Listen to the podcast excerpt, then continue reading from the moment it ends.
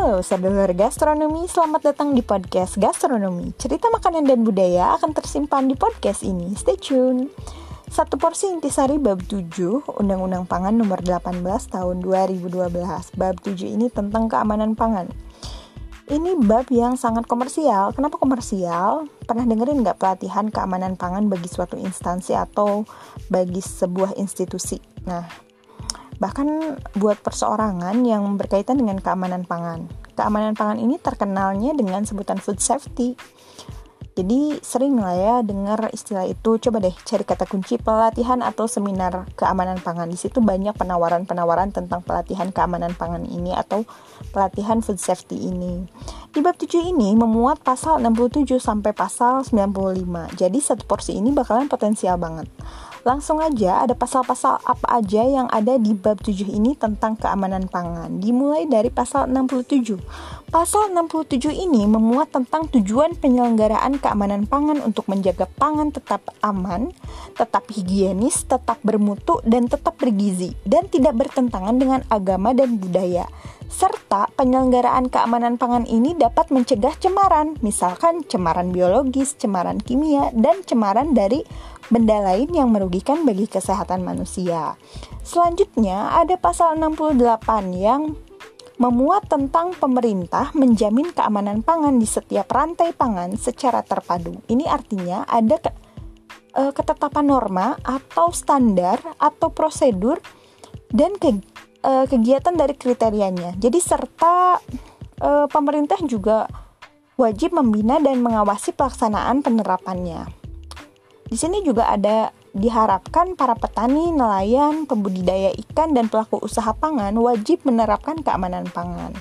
Selanjutnya di pasal 69 di sini muatannya tentang tujuan penyelenggaraan keamanan pangan yang dilakukan untuk sanitasi pangan, untuk pengaturan terhadap BTP atau bahan tambahan pangan, untuk pangan produk rekayasa genetik, untuk iradiasi pangan, untuk ke, uh, kegiatan kemasan pangan ya.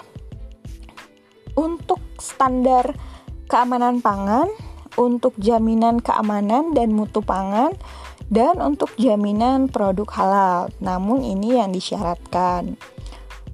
Selanjutnya pasal 70 di sini memuat tentang sanitasi pangan. Jadi sanitasi pangan harus memenuhi standar keamanan pangan yang dilakukan dengan tujuan agar pangan itu dapat dikonsumsi dan e, kegiatan produksi baik itu penyimpanan, pengangkutan sampai peredaran pangan bisa memenuhi kriteria sanitasi pangan yang sudah menjadi standar keamanan pangan. Selanjutnya ada pasal 71. Di sini muatannya tentang setiap orang yang terlibat dalam rantai pangan ini wajib mengendalikan risiko bahaya pangan. Semua aspek ya. Jadi jika melakukan kegiatan rantai pangan, misalkan produksi sampai peredaran pangan wajib memenuhi persyaratan sanitasi dan keamanan pangan untuk keselamatan kerja manusia. Semuanya diatur dalam peraturan pemerintah. Selanjutnya pasal 72 di sini muatannya tentang setiap orang yang melanggar ketentuan akan ada sanksi administratif yang menunggu.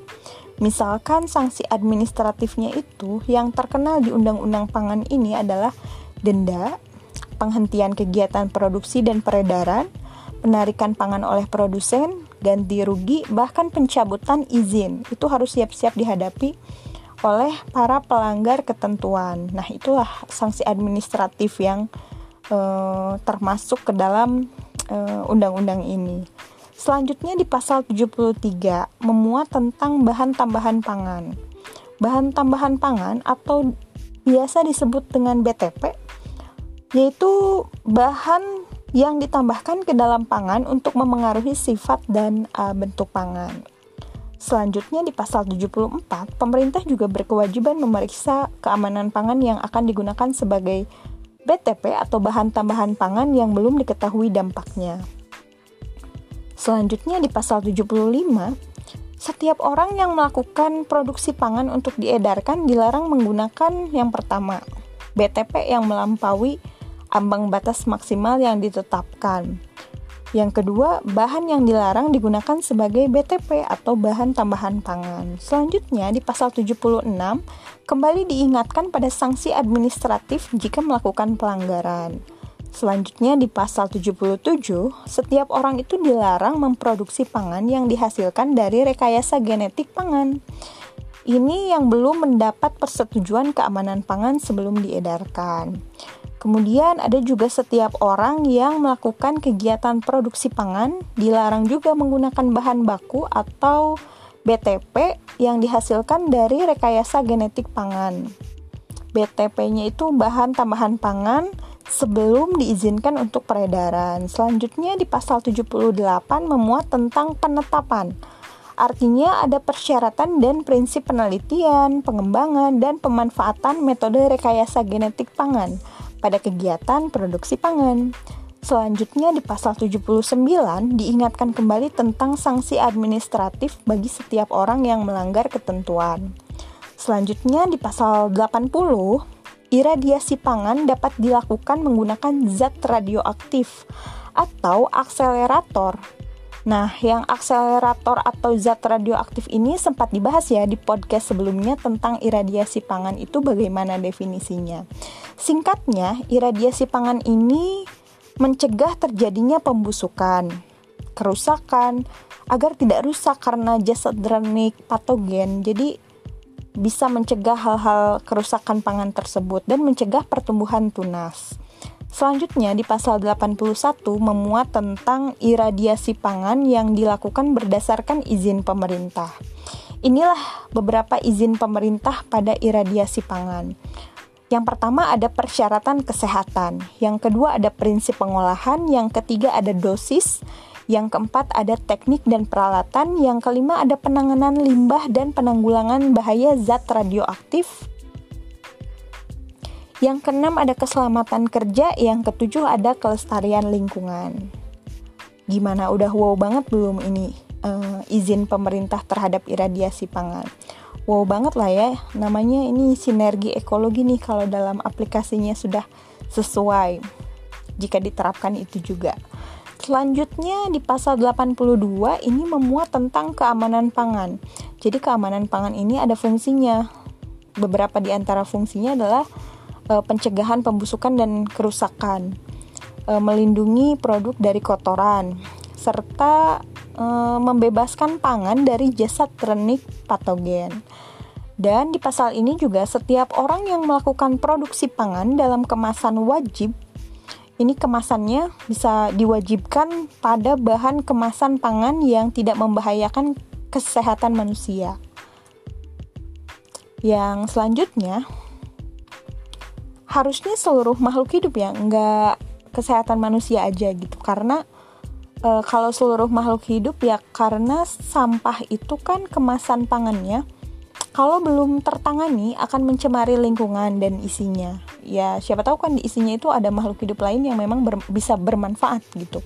Tapi disemogakan saja semoga banyak kesadaran individu yang lebih peduli dengan kemasan pangan ramah lingkungan namun bermanfaat juga bagi pengemasan produk pangan.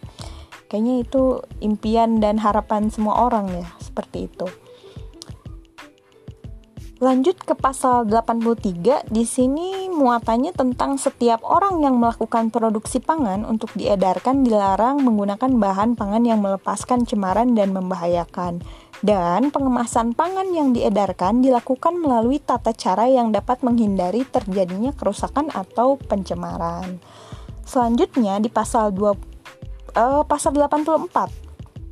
Ini muatannya tentang setiap orang yang dilarang membuka kemasan akhir pangan untuk dikemas kembali dan diperdagangkan. Eh, apa ada yang kayak gitu ya? Nah, coba ingat lagi ketentuan larangannya. Namun, tidak berlaku terhadap pangan yang pengadaannya dalam jumlah besar yang lazim dikemas eh, dikemas kembali ya dalam jumlah kecil untuk diperdagangkan lebih lanjut. Selanjutnya di pasal 85 diingatkan kembali tentang sanksi administratif. Lanjut ke pasal 86, pemerintah menerapkan pemenuhan standar keamanan dan mutu pangan, baik itu untuk perseorangan atau untuk beberapa kelompok.